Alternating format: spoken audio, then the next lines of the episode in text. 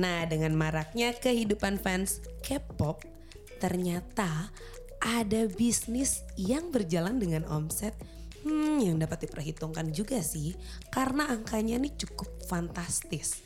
Dengan kecintaannya sama K-pop, banyak fans yang rela mengeluarkan kocek yang tidak sedikit untuk membeli merchandise dengan gambar atau foto idolanya pada produk tersebut. Nah sekarang nih kita sudah sama seseorang dari kumparan K-pop karena aku sendiri kan masih kurang tahu jadi kita akan menggalinya dari si Mbak cantik ini. Coba kenalin dulu Mbak. Halo halo, Eh, halo guys, aku Niken Nurani dari Kumparan K-pop. Yeay kita bakal ngegali nih informasi dari Mbak Niken. Yep. Yang pertama banget yang bikin aku penasaran. Bisnis merchandise K-pop tuh kayak gimana sih kalau secara global? Atau mungkin boleh dibocorin nggak? Hmm.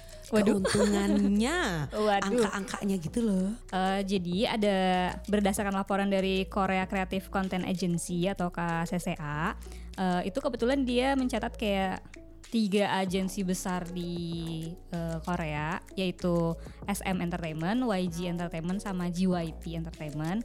Eh, itu kayak ketiganya tuh meraup keuntungan tuh hampir sekitar 1000 triliun. Seribu dari triliun rupiah nih. merchandise. Betul, 1000 triliun rupiah. Wow. Gede banget nggak tuh gila. Nah, eh, apa namanya?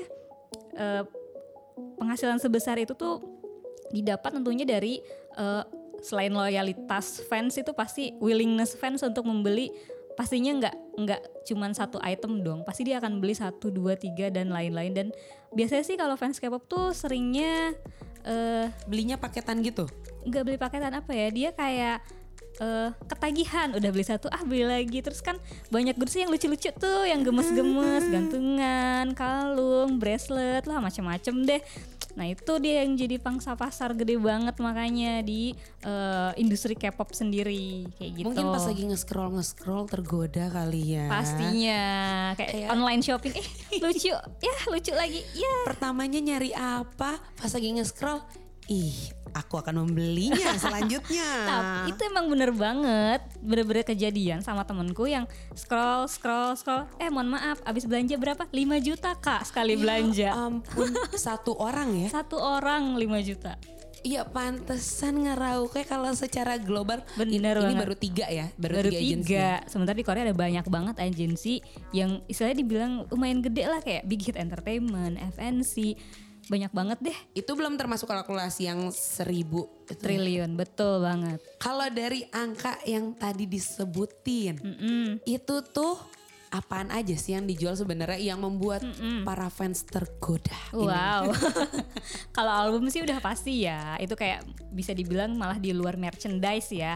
Nah, perintilan-perintilan ini yang emang bikin aduh nih nggak tahan banget. Emang macem-macem sih dari mulai tote bag, pouch, apalagi sampai itu loh adukan sedotan kayak sedotan itu yang adukan minuman tau Oh kan? iya, iya pengaduk teh itu Iya, kan yang, yang- ujungnya bulat itu. Iya, nah itu juga termasuk sebagai merchandise yang dijual sama si agensi. Banyak banget sampai tiker, tiker piknik. Ya Allah, ada tulisannya gitu, tulisan idolnya itu dijual. Oke, kalau kayak stiker gitu harganya berapaan tuh? Ya sekitar 30 ribuan lah ya. 200 300 ribuan lah. Oke, 200 300 ya buat tiker.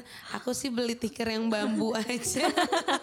Tapi itu maksudnya kayak kalau tiker kan bisa kayak kita pakai lah maksudnya untuk emang duduk gitu kan. Walaupun ya 300 ribu sayang banget dipakai duduk cuy gitu kan. Nah ada lagi yang lebih gila. Apa? eh ice tray, kan ice tray yang buat bikin es, Heeh. yang kayak dari karet gitu. Iya. Itu jadi SM Entertainment tuh pernah mereka ngerilis ice tray-nya EXO Dan itu harganya kalau sampai sini yang aku baca di salah satu e-commerce tuh 480 ribu harganya. Hampir 500 ribu. Iya betul sekali. cream. Harga emas kak, mohon maaf. Ah, Kita bisa kiloin emasnya itu langsung. Bener banget. Nah, kalau di Indonesia sendiri, tadi kan kita sempat ngomongin secara global ya. Nah, kalau di Indonesia nih, kalau mereka tuh belanjanya banyak gak sih? Karena eh, mungkin dari segi penghitungannya gitu. Ya seperti yang gue bilang tadi sih temen gue aja beli sampai ada yang 5 juta gitu sekali belanja. Jadi kan eh, fans kalau fans lain sih gue rasa mungkin nggak semua akan mencapai angka itu gitu. Tapi pastilah minimal mereka belanja 200-300 ribu minimal untuk satu album lah gitu Ya, kan. iya. nah sementara itu yang eh, agensi itu biasanya dia ngerilis nggak cuma satu album gitu pasti dia akan merilis be- beberapa versi. Dan itu biasanya termasuk dengan merchandise merchandise lainnya. Jadi kadang beli album dengan merchandise lain jadi plus plus gitu. Nah eh, ini juga pernah gue lihat sih eh, di salah satu OL shop di Indonesia gitu eh, dia sampai order sekitar 20.000 ribu album. Buat 20 ribu album. di Indonesia doang. Dan Banyak itu sold out. dan itu iya Oh my god, dude. sold everything Wow. Eh tapi ada 20.000. cerita lainnya gak sih yang selain si e-commerce ini? ini bukan e-commerce ini fans yang jual tuh fans Ini fans. Fans yang Aku jual. pikir e-commerce. Bukan. Oh my god. Jadi ini personal. personal personal Oh kayak God. mendadak lah dia Karena aku mikirnya gini, ini tuh jumlah yang besar dan aku pikir ini bukan e-commerce. Jadi dia tuh emang fans biasa maksudnya fans lah gitu fans K-pop. Dan dia memang buka eh, order gitu pre-order album gue mau buka nih harga segini gitu. Dan itu ada yang sampai sepuluh ribu delapan ribu sekali order. Itu Jadi- dan paling gede tuh kayak dua puluh ribuan gitu. Ini baru satu orang ya. iya yes. Bayangkan di Indonesia banyak orang dan dengan jumlah yang sama. betul wow Oke, penyumbang terbesarnya kayak salah satunya kita-kita di Indonesia juga ya.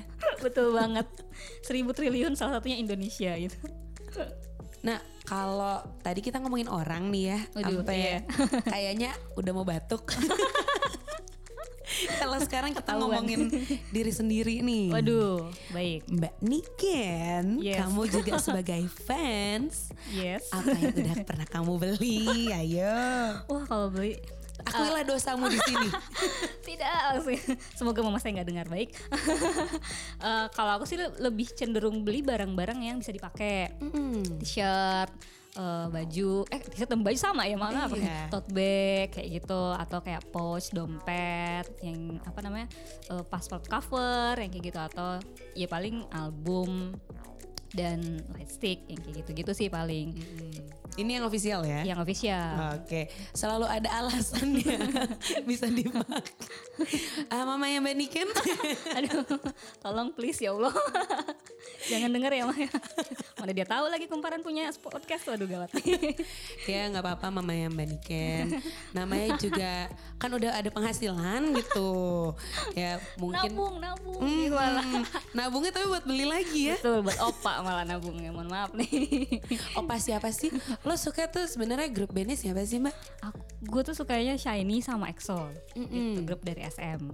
Kalau specifically personalnya orangnya lo suka siapa? Oh, sukanya Minho dan Suho. Wede. Aku tahu kalau Mina aku tahu. Yes, tahu kan. Oh, yang ada yang dia tuh kan endorse by eh sorry bukan endorse sih. Apa nyebutnya ya? Kayak face off salah satu produk kecantikan ya.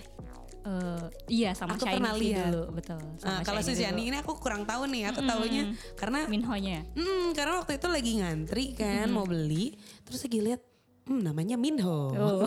dan wow, kinclong. Iya tentu saja. Perawatan terus setiap hari. Pantesan lo suka ya, cakep banget loh itu. Bening kak, penyegaran lumayan. iya, kayaknya aku tuh nggak usah mandi udah seger. Oke, nah, gue pengen nanya nih mbak, jenis-jenis penjual barang merchandise tuh ada nggak sih? Jenis-jenis tuh sebenarnya ada, tapi maksudnya nggak sampai eh, detail banget gitu. Cuman kayak ada yang jual eh, barang-barang yang idolanya doang. Ada juga yang eh, jual barang-barang semua artis tuh dia jual gitu. Oh, Paling lebih gitu general sih. gitu lah ya. Iya, Oh, semua dijual pokoknya. Tapi ini tuh kan gue ngeliatnya ada agency juga gitu kan ya. Jadi official merchandise-nya itu dijualin sama agency langsung si artis tersebut. Iya. Oke. Itu juga ada. Ad- jadi ada yang si agensi itu dia jual di official store-nya juga. Dia punya sebenarnya punya online shop-nya juga. Ada yang offline, ada yang online. Nah, fans-fans yang istilahnya kayak online shop kecil-kecil tuh ngambil dari situ juga sebenarnya. Oke. Nah, sebelum ini kan kita sempat ngebahas juga nih soal si merchandise yang official itu. Itu tuh uh, boleh dijelasin lagi nggak cara pengambilan yang kayak tadi disebutin kalau ada juga yang jual di Indonesia, tapi itu sebenarnya official dan mereka cara belinya gimana sih? Biasanya sih ada yang just tip nih. Jadi kalau ada yang ke Korea, eh nitip dong beli ini, beli itu. Nah, gitu. Nah, biasanya sih si yang apa namanya yang buka just tip nih eh, bisa ngasih apa namanya kayak range harganya itu bisa 50 sampai 100 ribu keuntungannya. Ada juga yang dia eh, order langsung ke website eh, resminya eh, atau ke kayak online mereka juga ada kayak online shop eh, Koreanya yang memang menjual atau mendistribusikan barang-barang official itu contohnya kayak G Market, Eleven Street, Cat Town for You itu juga eh, sebagian dari online shop yang juga mendistribusikan barang-barang K-pop official gitu. Oke, tapi kan tadi udah ngomongin kalau ada di Korea atau sebelumnya kita sempat ngobrolnya kalau ada di Jepang juga ternyata Iya, ya. betul, betul. Nah, kalau di Indonesia sendiri nih, ada nggak sih official store-nya tuh? Di Indonesia ada eh, beberapa agensi, nggak beberapa sih, maksudnya kayak ada satu dua agensi yang dia memutuskan untuk buka official store tapi melalui eh, apa namanya? E-commerce lain. Oke. kayak gitu. Jadi buka toko di situ gitu. Ada Oh, ada juga. Dan ini official ya? official. Oh, bukan dari just tip just tipan. Bukan, ini dijamin keasliannya kalau ini. Tapi boleh disebutin nggak? Eh, kalau misalnya itu band siapa aja yang kira-kira emang udah ada nih officialnya? Sejauh ini sih baru YG Entertainment yang buka official store di salah satu e-commerce di Indonesia. yang warna apa nih? E-commerce yang warna Aduh, apa? yang warna orange-orange gitu sih. udah pada tahu kan pendengar nih kisi-kisinya jelas nih ya. Yang ada tutut tutut tutut. ya, itu namanya. Nah, eh, kalau Mbak sendiri kan tadi sempat aku sebutin sebelumnya sempat ngejual merchandise-nya nih. Itu merchandise-nya asli atau gimana cara mendapatkannya? Waduh, jadi jualan saya. Eh, apa? Aku sebenarnya kayak eh, jual yang official dan non official juga. Jadi aku sama temenku kebetulan dia desainer gitu. Dia yang ngedesainnya, aku yang memasarkan gitu. Tim marketing ya? Betul, saya yang woro-woro gitu, yang banyak omongnya gitu. yang ngumumin eh aku mau jual ini gitu. Jadi macam-macam sih. Kalau yang official tuh ya paling album atau kayak eh, kosmetik yang memang di endorse sama si idolnya kayak gitu majalah yang kayak gitu sih lebih ke eh, apa namanya barang-barang yang memang eh, nggak bisa dibikin lah sama kita gitu kan ya.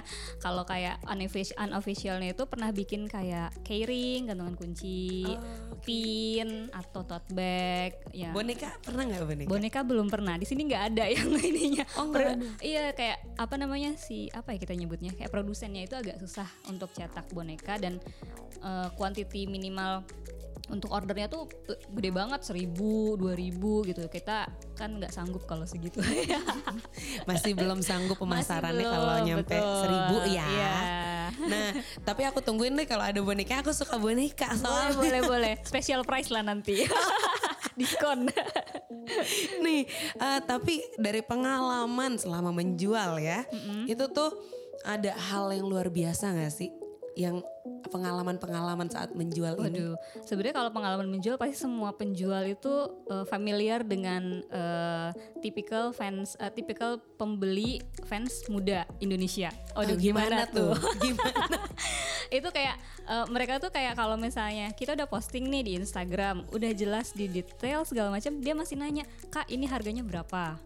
Atau Oke. kak ini sistemnya eh, DP dulu boleh enggak? Padahal misalkan di situ udah dicantumkan full payment kayak gitu. Banyak yang kayak mereka tuh enggak apa ya? Kurang membaca dengan teliti gitu kayak gitu. Oke. Atau ada juga yang kadang udah beli nih eh, kita udah kasih tahu kalau estimasi eh, nyampe nya misalkan barang tanggal 20 dia tuh nanya terus udah sampai belum udah sampai belum udah sampai belum wah itu udah sering banget kayak gitu Agak nggak sabaran iya ya. betul Mungkin bersemangat. betul. bersemangat lebih tepatnya sih itu kali ya Nih tadi juga aku mau nanya sempat Mbak mention kalau ada yang dari luar juga, ada yang dibuat sendiri. Mungkin kalau dibuat sendiri kurang eh, apa ya? Bagian ribetnya agak berkurang karena kita produksinya kan di Indonesia. Iya, betul. gitu. Ha. Sedangkan kalau misalnya Mbak pesan dari luar, otomatis melewati berbagai macam ya bea cukai Iya, lah. bener banget. Ha. Heeh, nah, ada cerita nggak sih yang mungkin Mbak atau temennya gitu sempat ketahan di bea cukai atau mungkin malah kan ada ya beberapa yang karena pemeriksaan mengalami kerusakan gitu. Mm, betul Coba. betul. Kalau aku personal sih belum pernah karena eh, aku selalu eh, order itemnya itu eh, nggak pernah melebihi dari 75 dolar. Jadi kalau seta- setahu aku eh, kalau barang di atas 75 dolar itu biasanya nanti akan kena tax kan. Makanya aku paling ordernya itu sedikit-sedikit. Tapi ada temenku nih, dia pernah order beberapa barang yang memang harganya di atas 75 dolar total ya maksudnya keseluruhan barang itu. Jumlahnya ada sekitar dua box gitu isinya ada boneka photobook macem-macem lah gitu. Itu dia dapat surat cinta. Cie. Gimana nih surat cintanya? surat cinta dari eh, bea cukai. Dia harus membayar tax pajak sebesar 70 juta rupiah gitu 70 juta untuk boneka dan Yes. merchandise lainnya. yes betul Oke, ini tuh maksudnya bonekanya dua dus dan dua dus sekardus Indomie gitu atau gimana? Iya betul. Sekecil itu sekardus Indomie kan boneka kecil ya yang 20 cm, 15 cm yang kecil-kecil gitu. 70 juta untuk Yes, nebusnya dan akhirnya yes. dia tebus atau enggak tuh? Eh, enggak sih, enggak. Maksudnya kayak dia akhirnya mengajukan keberatan kayak dia mungkin tahu cara ininya kayak cara-cara untuk Pendekatannya eh, iya, mungkin ya. untuk mengajukan apa namanya? klaim dan lain-lain tapi akhirnya sih hanya membayar sekitar 3 jutaan kalau nggak salah dari eh, produk yang dia beli itu. Dari dua dus ini Iya. akhirnya membayar 3 juta. Iya, betul. Ya kalau 3 juta masih agak masuk akal Iya. ya. kalau 70 juta udah bisa DP apartemen Kak. Cuma bahaya dua dus banget. doang lagi. Iya boneka gitu loh maksudnya juga ya walaupun emang mungkin ada meaning tertentu bagi Iya. fans-fans K-pop ya. Iya, betul. Nah ini juga gue mau nanyain sempat ketipu nggak dari pertanyaan-pertanyaan Oh. yang lain yang bertanya mau DP mau apa iya itu? iya iya. Eh, kalau aku sih eh, personal juga belum belum pernah ngalamin di apa namanya ditipu gitu sama pembeli cuman eh, atau sama supplier. Cuman banyak yang sering eh, membatalkan pesanan tanpa alasan yang jelas. Udah ngisi form segala macam kita orderin eh dia menghilang begitu saja.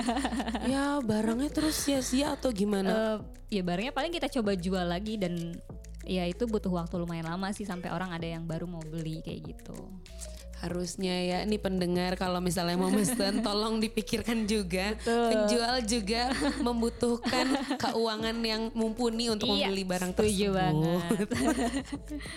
nih eh, sama gue mau nanya, kan sempat sebelumnya nih kita cerita-cerita soal melewati bea cukai dan kerusakan-kerusakannya. iya betul Ada cerita nggak? Coba diceritain dong. Bisik-bisikin deh. Aduh aku nggak enak nih jadi nggak sih. Sebenarnya ini eh, kerusakannya juga nggak begitu. Maksudnya di barangnya nggak begitu parah. Jadi eh, waktu itu sempat pesan majalah eh, lima buah dari Korea. Eh, apa namanya tiba-tiba bukan tiba-tiba. Jadi pas dateng eh, si kardus packagingnya itu rusak parah gitu bener-bener yang Oke, kayak jadi majalahnya nih dibungkus kardus dulu. Mm-mm, betul. Jadi majalah itu sebenarnya dilapisin sama untungnya dilapisin dilindungin sama bubble wrap. Terus dimasukin ke dus gitu kan. Tapi itu Oke. bener-bener kardusnya hancur gitu kayak oh, apa nggak tahu basah atau gimana nggak ngerti sih pokoknya kayak koyak gitu dan itu nggak ngerti kenapa gitu apa yang terjadi dengan selama perjalanan apa yang terjadi gitu padahal cuman kayak dua mingguan gitu dari Korea ke Indonesia pengirimannya gitu. Sempat kaget juga sih. Iya dong. Deg-degan banget. Ini aduh gimana barangku Tapi ini buat dijual lagi majalahnya. Iya buat dijual itu kayak pesanan orang. Jadi sih udah pre-ordernya orang gitu. Udah ada yang punya gitu. Tapi eh, majalahnya baik-baik aja. kan? Majalahnya Jadi sih baik-baik Lecet-lecet dikit lah. Eh, tetap membayarkan. Tetap Ah, membayar. Alhamdulillahnya Iya sih ya, takutnya juga customer kan ngelihat kok ini nggak di dengan rapih gitu loh dikirimnya. Iya benar-benar. gitu ya. Tapi, Tapi eh, kita juga selalu jelasin sih kalau ada lecet lecet dikit-dikit mohon dimaklumi ya gitu. Ini kan shipping Hmm. jauh nih gitu. mm, melewati banyak kapal-kapal di udara ya. Perang terus di udara. Eh iya, nih satu lagi. Lo kan juga termasuk fans dong jatuhnya. Betul. Merchandise apa sih yang paling favorit nih bagi Waduh. fans-fans K-pop? Boleh disebutin nih. Eh, kalau aku sih eh, favorit itu light stick ya. Light stick karena kayak itu tuh eh, simbol dan apa ya kayak KTP gitu. Kalau gue malah ngeliatnya kayak piala. gitu kayak identitas nih gue gitu ini gue fans EXO nih gue fans Shiny ini gue fans ah kayak gitu Di antara kegelapan ya Betul. muncullah light Uh-uh. stick tersebut. Itu berguna juga sih kalau mati lampu lumayan dipakai kan kayak gitu. Multifungsi jadinya. Jadi kemarin mati lampu Betul. pakai light stick. Pakai light stick untungnya.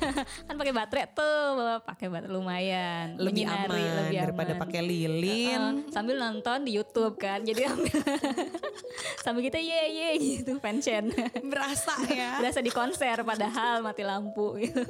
ya nggak apa-apa, penghiburan daripada ngerenungin aduh mati lampu gitu. Nyalanya gitu.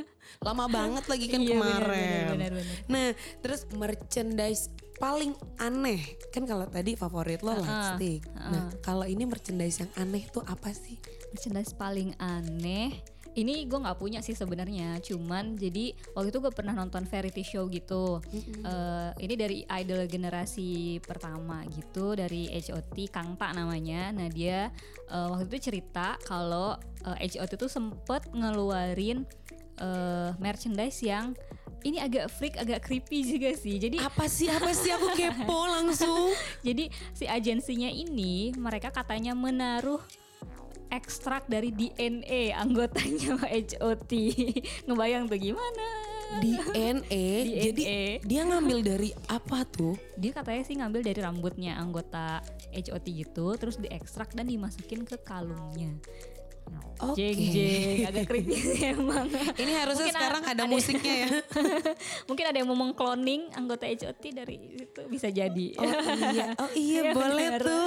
Bagus juga kayak DNA-nya buat anak-anak ya. benar benar buat calon anak-anak itu nanti DNA-nya dimasukin terus dia joget-joget us. Langsung semangat Saya loh. punya DNA HOT gitu kan. HOT ada di darah saya gitu anjir. Tapi itu perkiraannya harganya berapa tuh kalau si merchandise D- DNA loh itu?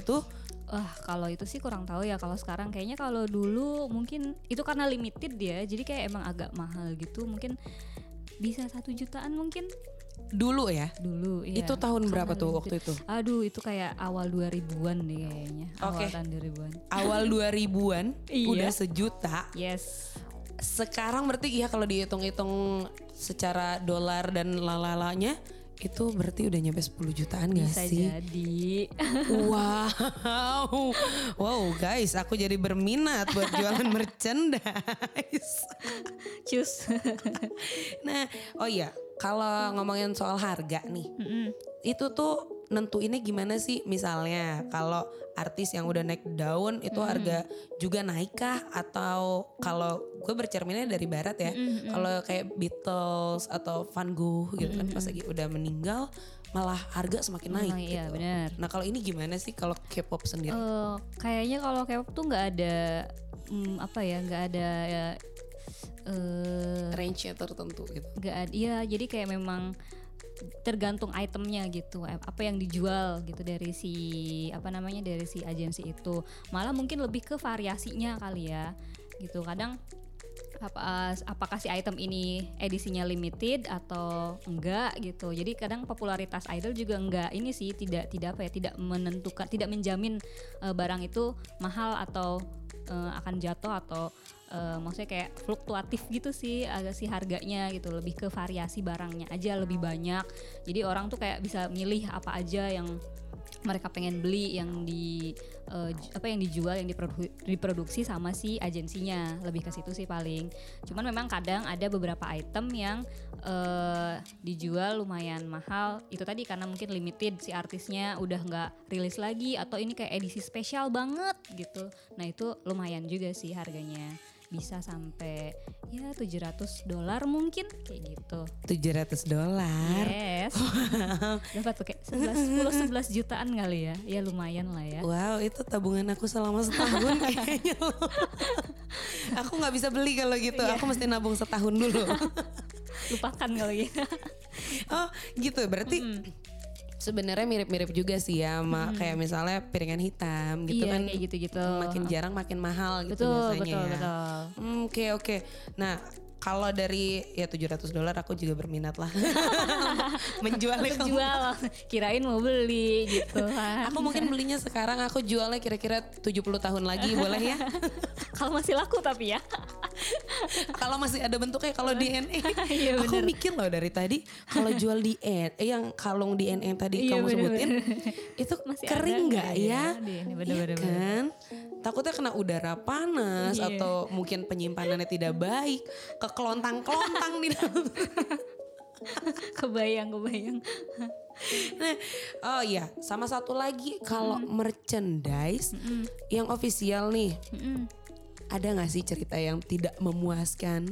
Karena kan ya official ya, Betul, betul. harusnya kan bagus, Iya. terus kayak ya gimana sih official gitu loh. Betul betul. Eh, Berharap diproduksi bagus lah gitu ya. Ada sih sebenarnya ini juga eh, aku pernah baca aja. Jadi salah satu idol gitu, eh, Xiumin EXO waktu itu dia bikin fan meeting dan mengeluarkan goods gitu banyak tuh macam-macam. Salah satunya ada kayak kalung gitu. Di gambarnya sih, ini di gambarnya bagus ya. Eh, apa namanya sih talinya warna kuning. Terus ada kayak apa namanya? Kembang bunga Eh, gitu nggak sih kalau yang tadi aku lihat? iya liontinnya kayak gambar bunga yang di dalamnya ada tulisannya itu kan manis banget kan udah kebayang uh ini pasti cocok nih pakai kan Eh, Eh ternyata tulisannya apa? Sorry, sorry. Tulisannya ah apa? aku lupa tulisannya apa tuh kayak semacam ucapannya dia gitu aku lupa deh Oh tuh. unyu banget kalau Iya, ucapannya. makanya gemes tapi ternyata pas dirilis dan fans fans Korea tentu dapat duluan kan itu ternyata tidak sesuai ekspektasi Gimana? Ya ampun sedih banget deh kalau lihat. Jadi si eh, talinya itu kayak busa gitu. Jadi bukan tali es in tali. Jadi kayak tali sepatu juga bukan gitu kayak gabus. Kayak bahannya aneh banget gitu deh, kayak tebel. Eh, udah gitu di dalam cincinnya kata typo gitu dalam liontinnya Demi itu. apa? Iya ya ampun. Official tapi typo. iya gimana sedih. coba. Harganya 32.000 won. Oke, kalau dirupiahin berapa tuh? sekitar 370 ribuan kayaknya Agak mahal ya. lumayan. Lumayan mungkin kayak nambah 200 ribu dapat emas kayaknya segram. Lumayan jadinya. Tapi yang didapetin talinya gabus, Iya. terus habis itu typo. typo oh, parah banget tuh. Banyak fans yang kecewa banget sampai mereka mention ke agensinya minta tanggung jawab ini gimana? Tolong barangnya. Aku tidak puas gitu ya Tapi si agensinya sendiri ada klarifikasi atau gimana? Eh, setahu aku sih nggak ada ya. Kayak ya udah aja gitu Oke. berlaru berlaru begitu Ya saja mungkin fansnya juga ya udahlah ya, Iya, kalaupun official merchandise kayak gini kan tetap aja idolanya seperti itu Iya. juga, tetap kinclong. Tetap tetap kece ya merchandise tidak merubah segalanya. Oke, nih terima kasih nih udah Iya. ngejawabin macam-macam soal merchandise. Terima kasih juga sudah mengundang.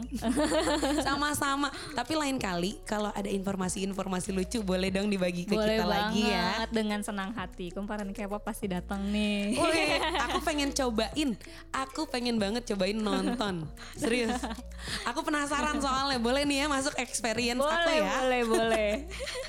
Oke deh, nih pendengar emang sih kalau udah suka ya rasanya kita bakal melakukan apa pun, walaupun juga nih kita harus mengeluarkan kocek lebih dalam serta mengusahakannya baik dari dalam negeri atau luar negeri sekalipun.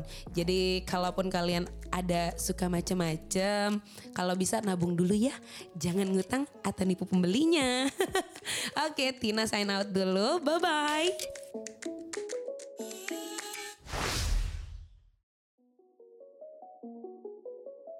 Sekian dulu podcast kali ini.